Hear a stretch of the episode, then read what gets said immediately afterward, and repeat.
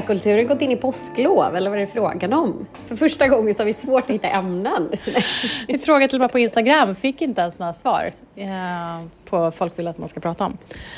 Vi kanske borde pratat om den här, att vi alla, man flög alla kändisar och modefolk till Indien i veckan. Det ja, just det. Jag skulle hylla så här Indian craftsmanship.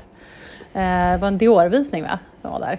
Jag kan tycka att det är så himla bra att man gör den typen av nedslag. Men det är ju alltid problematiskt när man ska flyga in folk. Ja, uh, nej verkligen. Mm. Men det gör man ju ändå, så att det kanske inte är... Mm. Uh, fint att de uppmärksammar det i alla fall. Den typen av um, kulturellt kulturarv. Det var det jag skulle säga. Ja men verkligen och eh, att det är ju tydligen så stor del av det här lyxhantverket som faktiskt utförs i Indien. Eh, och eh, ja, men då är det väl jätte, som du säger, jättefint att hylla det och ha en visning där istället för att ha den i Paris för att visa. Mm. Liksom. Mm. Eh, det såg ut som att det var väldigt mycket representation på, eh, både på catwalken och bland publiken. Och, ja, men, ja, det, det var ju verkligen någonting som har synts mycket senaste veckan. Det har du verkligen rätt i. Bra. Men du vill prata om en bok? Ja, men jag har precis lyssnat klart på en bok eh, som jag kände att jag måste prata om. Eh, och eh, jag lyssnar inte så ofta på ljudböcker. Det är någonting som så här, jag vet inte, jag är mycket mer en poddperson. En bok mm. känns som ett så stort eh, commitment på något sätt. Och jag blir liksom så här, antingen så fastnar jag inte riktigt och om jag fastnar så vill jag lyssna på den så hela tiden. Så det blir liksom så eh, stort åtagande att lyssna på en hel bok, känner jag.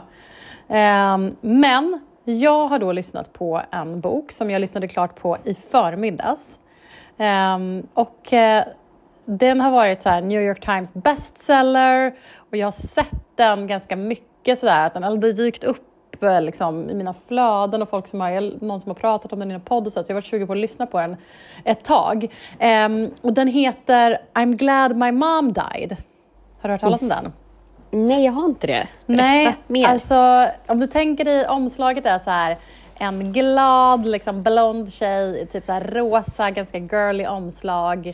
Eh, och så håller hon i en typ rosa urna, alltså en sån urna för mm. aska. Liksom. Mm. Och så är titeln då I'm glad my mom died.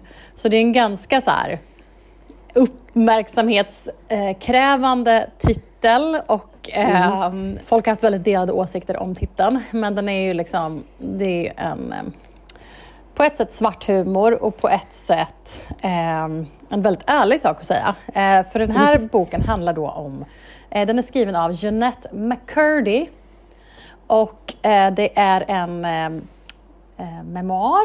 Ja, det är det. Mm. Ja, det är hennes liksom memoarer och hon är barnskådis. Och jag tror att vi i mm. Sverige har nog inte så bra koll på henne. Men i USA har hon varit så superkänd. Eh, hon mm. är så Nickelodeon barnskådis. Eh, okay. Och var med i, först i en så här, eller först var hon med och gjorde massa så här, du vet, gästavsnitt som barn i typ så här, spelade något liksom stackars eh, skadat barn på CSI, spelade något eh, sjukt barn på Grey's Anatomy, alltså du vet, gjorde massa sådana så här, små barnroller, barngäst inhopp. Eh, och innan dess liksom statistgrejer. Men sen fick hon då en roll i en så hit eh, Nickelodeon-show som hette iCarly. Mm -hmm. Och sen efter det så hade hon en show där det var hon och Ariana Grande som hade en Nickelodeon-show som hette typ Sam and Cat. Um, men... Nej, det här är verkligen... Ja, nej, det här är liksom inte vårat. Det här är också nej. så här... Um, Eh, hon är också yngre än oss och det här är liksom inte våran, inte våran åldersspann och det är inte våran vårat liksom, jag, man har ju aldrig, eller jag har aldrig, aldrig kollat på någon Nickelodeon-serier och sådär och jag tror inte det här, det här har nog liksom inte sänds i Sverige. Men som sagt, väldigt känd i USA. Eh, men det hon då berättar om i den här boken att, är ju att hon ville liksom aldrig bli skådespelerska, hon ville aldrig bli barnskådis. Eh, utan allt det här var ju hennes mamma som ville. Eh, oh, och hennes mamma, och hon liksom målar upp en bild med liksom både så här otroligt bra författarskap, alltså otroligt välskriven, som både är liksom tragisk och drabbande men också liksom med humor. berättar hon om hur hennes mamma det framkommer mer och mer och mer och mer och mer hur mycket hennes mamma på olika sätt eh, alltså utnyttjade och eh, psykiskt och fysiskt misshandlade henne under hela hennes uppväxt.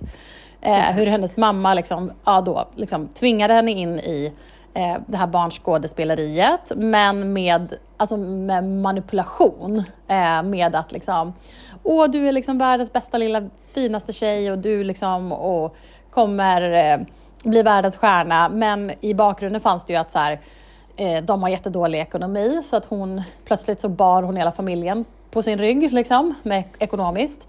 Mamman hade en historia med cancer, vilket hon hela typ, sin uppväxt trodde, hon typ någon gång så här, när hon var pytteliten så, så här, fick hon för sig att det var hennes eh, fel och att det var hennes eh, också förtjänst att mamman blev frisk. Så hon liksom hade så här jättemycket såna konstiga, du vet som barn har, så här, mm. magiska konstiga tankar om skuld och eh, vad som beror på vad.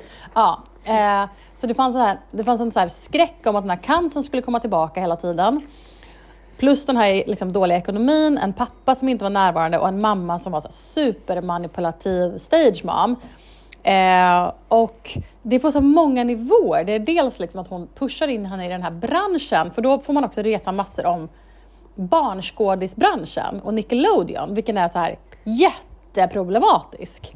Ja, det kan um, tänka mig. Ja, och de, hon berättar också i boken... varning Ja.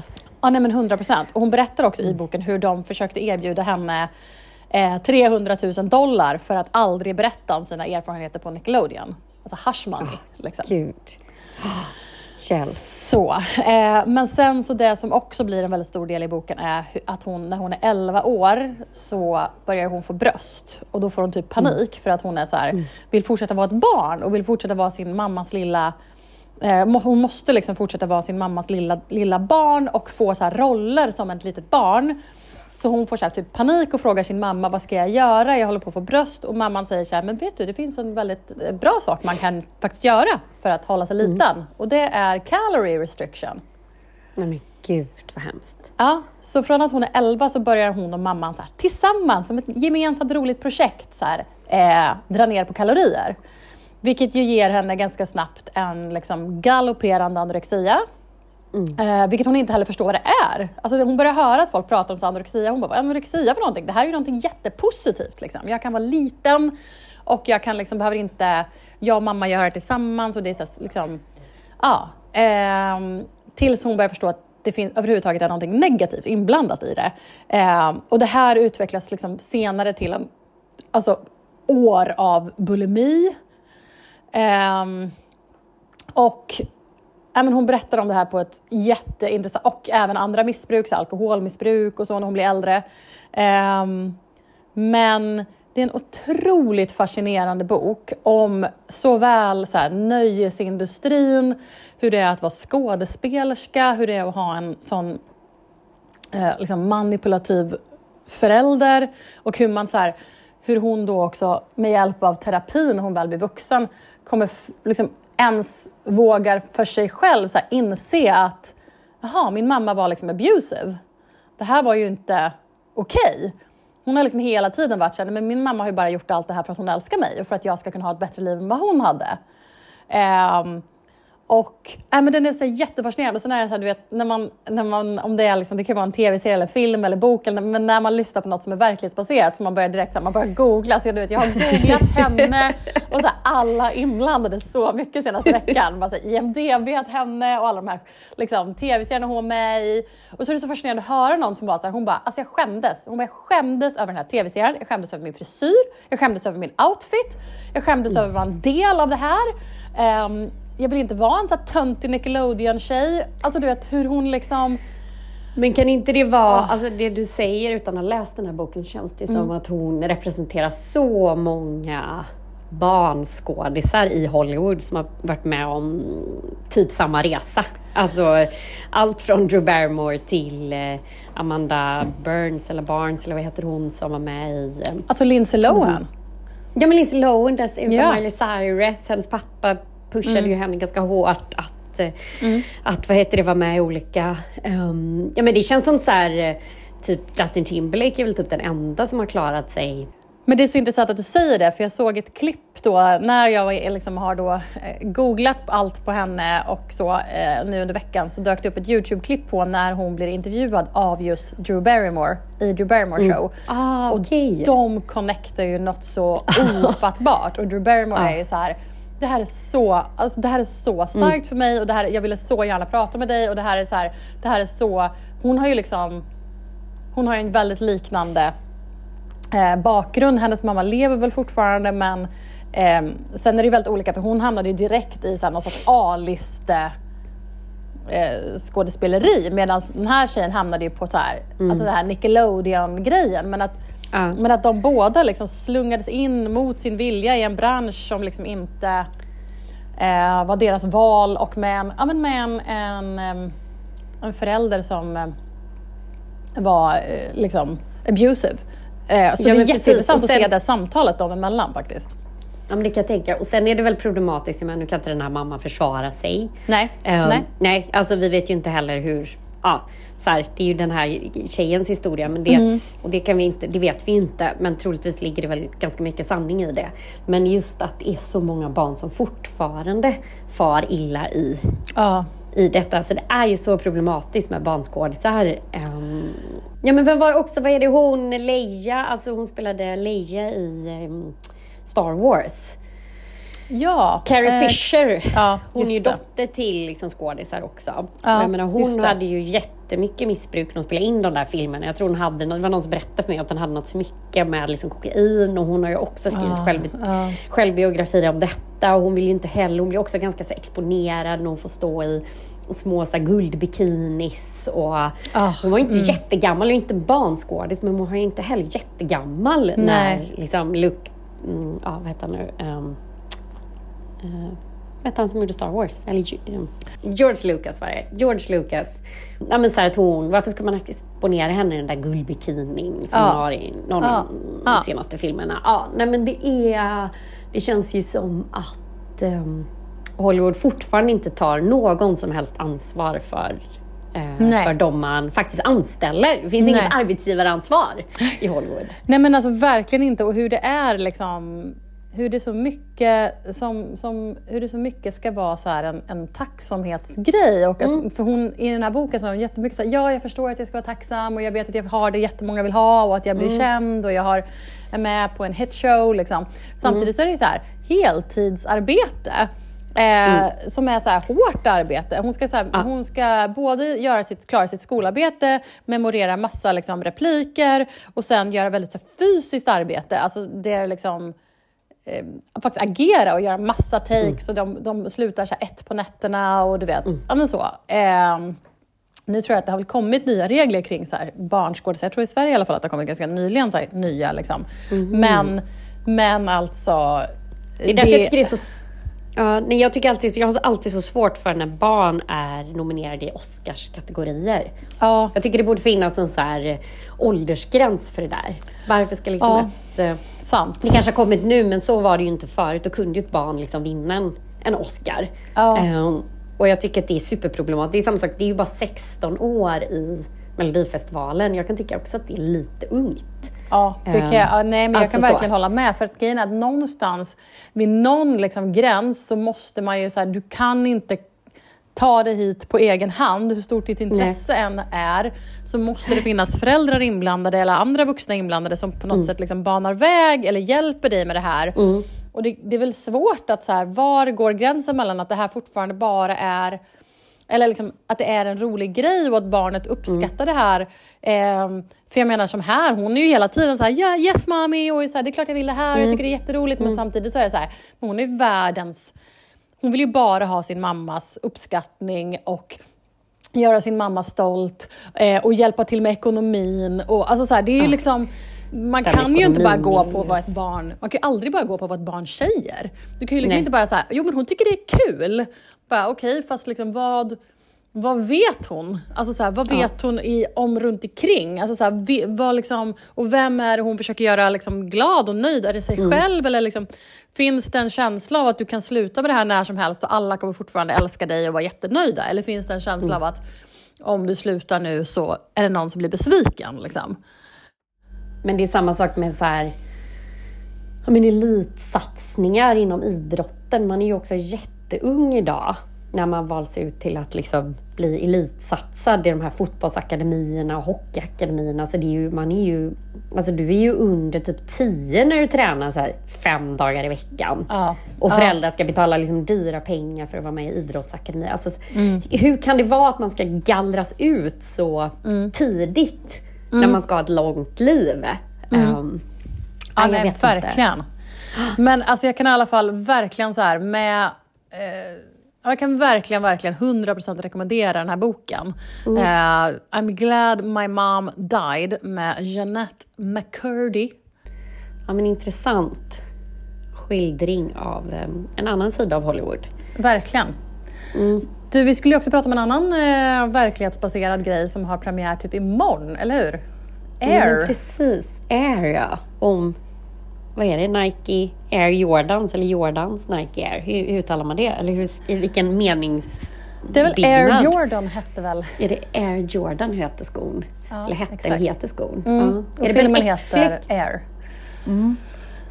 Och handlar då om Nike och gubbarna på Nike som då eh, ja, alltså så här, eh, var smarta nog att inse att ett samarbete med den liksom up and coming eh, basketstjärnan Michael Jordan skulle vara en bra idé och göra en liksom, egen sko till honom. Ja. Och det är Matt Damon och Ben Affleck som ligger bakom. Det brukar ju bli, det brukar bli hit när de gör filmer. Nej, men du skickade mig trailern och jag kände bara så här, Du hade åsikter. Ja, men jag tycker bara så himla gubbigt. Det är ju en solskenshistoria, men jag tyckte bara det var så himla gubbigt. Det var liksom vita snubbar och gubbigt. Nu är det här med manligt och kvinnligt intresse. Då är det så här, Mm. ja, nu gör vi en film om den coola manliga skon. Liksom. Ja. Ja. det är klart att kvinnor bär den här skor också, men nej, jag, fick bara, jag blev bara så här, lite, jag tyckte bara det var lite gubbigt och så kände jag att det finns så himla många andra typer av sådana filmer jag hellre skulle vilja se före. Det var nog snarare det jag kände. Man kan kombinera så här, mode med sport och då kan det få en mycket större exakt. målgrupp. Ja. Ja, jag fattar vad du menar. Mm. Ja, men jag Ja, tyckte också, nej, men- den har ju fått svinbra, eller väldigt bra recensioner tydligen, men jag tyckte också så här, trailern, jag vet inte, jag blev inte, jag trodde jag skulle bli mer taggad än vad jag blev. Ja, man blir inte, så här, man blir inte golvad direkt. Nej, men vi, apropå så här gamla sportfilmer. Eh, jag kollade på, härom- typ för någon vecka sedan kollade jag på trailern till eh, gamla underbara eh, Tom Cruise-filmen. Gud, nu tappar jag vad den heter. Eh, du vet Tom Cruise när han spelar med Reese Witherspoon och han är sportagent. Gud, vad heter han? Ja, Den här härliga gamla liksom 80-90... Jerry Maguire. ja, så ja. Jerry Maguire, alltså inte Reese Witherspoon utan eh, Tom Cruise och Renee Zellweger. Och eh, jag tror att det var för att Filip och Fredrik pratade om den i sin podd. eh, okej. Och det var så länge sedan man såg den så då gick jag in och kollade trailern för den. Och om man jämför den trailern, alltså jag blev så sjukt sugen på att se den filmen igen. Alltså den är ju fantastisk. vad Ehm, roligt. och han spelar en sports agent och hon är hans tjej. Och ja men det är inte så klassiska citat från den Jo. filmen. Massa klassiska citat. Någon så slutscen när han drar något så här, ja, säger någonting som man borde komma ihåg nu. Vad Men, hon, säger. men han drar något så här, för det var den, jag, jag youtubade även den scenen och det är när hon säger You had me at hello. Ja, När han liksom drar är värsta harangen och bara You had me at hello.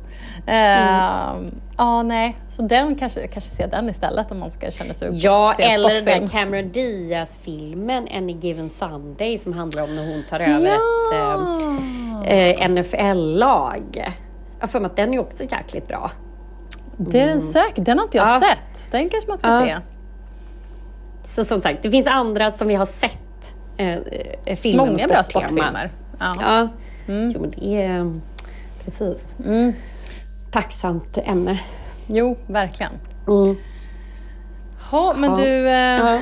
älskar du något på internet då den här veckan? Ja, nej men jag fick min... Jag blev ju så aprillurad. Första aprillurad. Är det sant? Ja, alltså så. Jag är fortfarande typ besviken att det inte var sant. Det var ju där i Prada som la upp att, man skulle komma, att det skulle komma ut en äh, Djävulen bär Prada 2. Ja! Och jag kan se för Gud. några minuter så var jag så här. "Åh, Men gud! Och Anne Hathaway var signad och det var liksom hela det här Lyckan var och jag blev total Ja, jag blev minuter. så peppad. Jag blev så otroligt peppad. Och så Ja. bara, nej, april, april. Så så är det på internet. Det Ah. är liksom... Så det var, kanske inte att jag älskade det med internet, men eh, internet lurade mig. Jag blev verkligen, det var mitt, jag blev lurad av den första aprilskämtet. 100 procent. 100 Ja, jag med faktiskt. Jag såg Ja, den det också och bara... och sen bara längst ner så här, April Fools och man bara, men? Mm. Nej, det var, det var väldigt deppigt. Men ehm, ja, vem vet? Kanske kommer. Hon var ju, en, om man vill njuta av Anne Hathaway så kan man ju titta på de nya kampanjbilderna för Versace. Hon är så snygg i dem. Supersnygg, supercool. Oh. Ah, hon är ju verkligen, hon har gjort liksom som en renässans både i sin stil och verkligen. liksom, mm, Du, jag såg att det ska ju komma en film med henne och Michaela Cole. Ja. Eh, som ska spela typ ett något så här eh, gaypar. Mm. Eh, det verkade väldigt spännande. Att hon ska typ, att den ena, jag tror, vad var det, Anne Hathaway ska spela en musiker och eh, Michaela Cole ska spela en ikonisk modedesigner. Ah, Alltså, och den spelas in i Tyskland läser jag nu. Alltså det låter ju... Låter inte, det låter mumma. Nej men gud, jag blir jätte taggad. Det känns som att det hade massa ingredienser för att bli Mm. Jättestarkt. Ja, ja, men verkligen. Mm.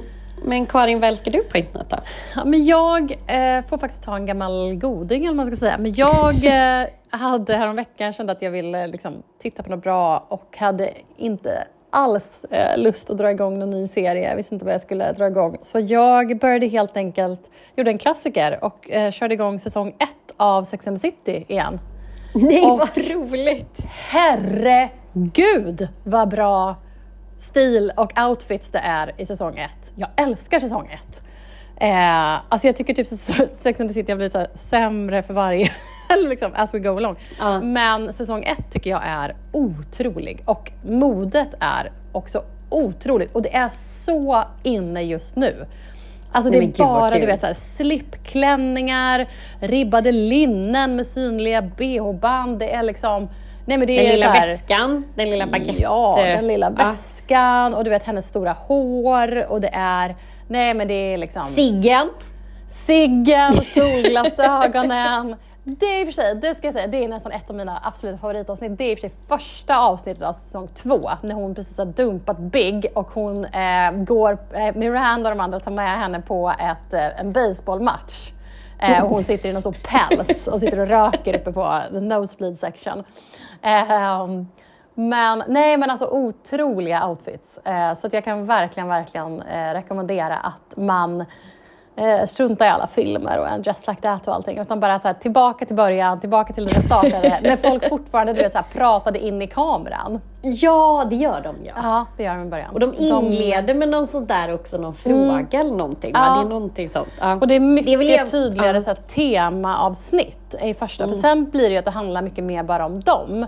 Men i den Ja. första säsongen då kan det vara typ så här, ett, för då är det mer baserat på vad hennes krönika handlar om per avsnitt. Ja. Då är det ju så att hon skriver en krönika om typ så här, men who date models. Så då Ja. handlar det ett avsnitt om det. Ja. Och sen är det typ så här, mm, eh, vad kan det vara mer? Ja, men, så här, eh, married people versus single people.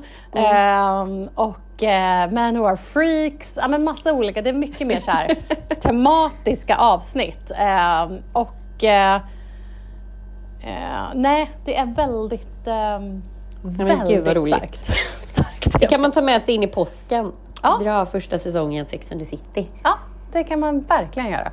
Mm. Det är också kul tycker jag att Big är med från avsnitt ett. Ja, det är så sjukt att han är det. Man Ja. glömmer det. Mm. Men eh, jag såg ju om den där någon gång vi skulle börja se Just Like That igen. Ja. Och då tänkte jag på det, gud han är verkligen med från avsnitt ett. Ja, ja, exakt. Eh. Och eh, jag tycker alltid att Charlotte är den liksom, som får, hon får minst liksom, manus.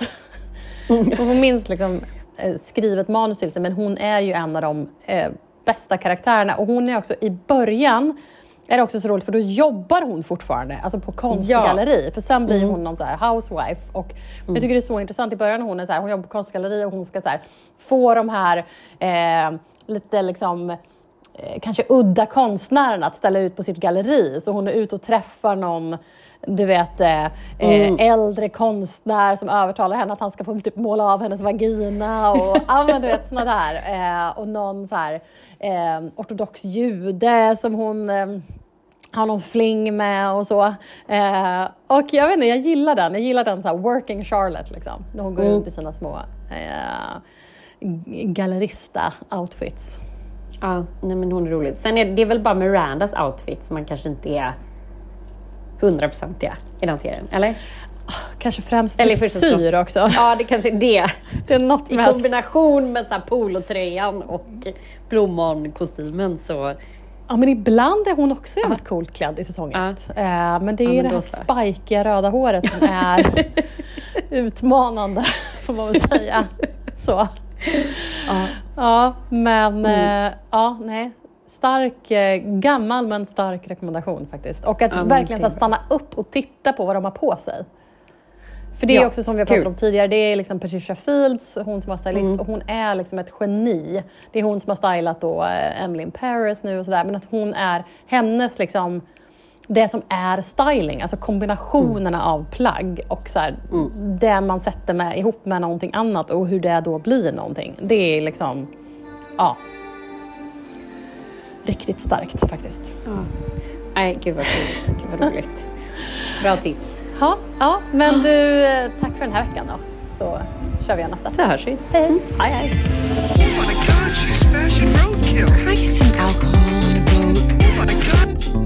roadkill. He used to be sick. I'm wearing Valentino flying out. Oh my god, fashion roadkill. Didn't realize that tights are not pants.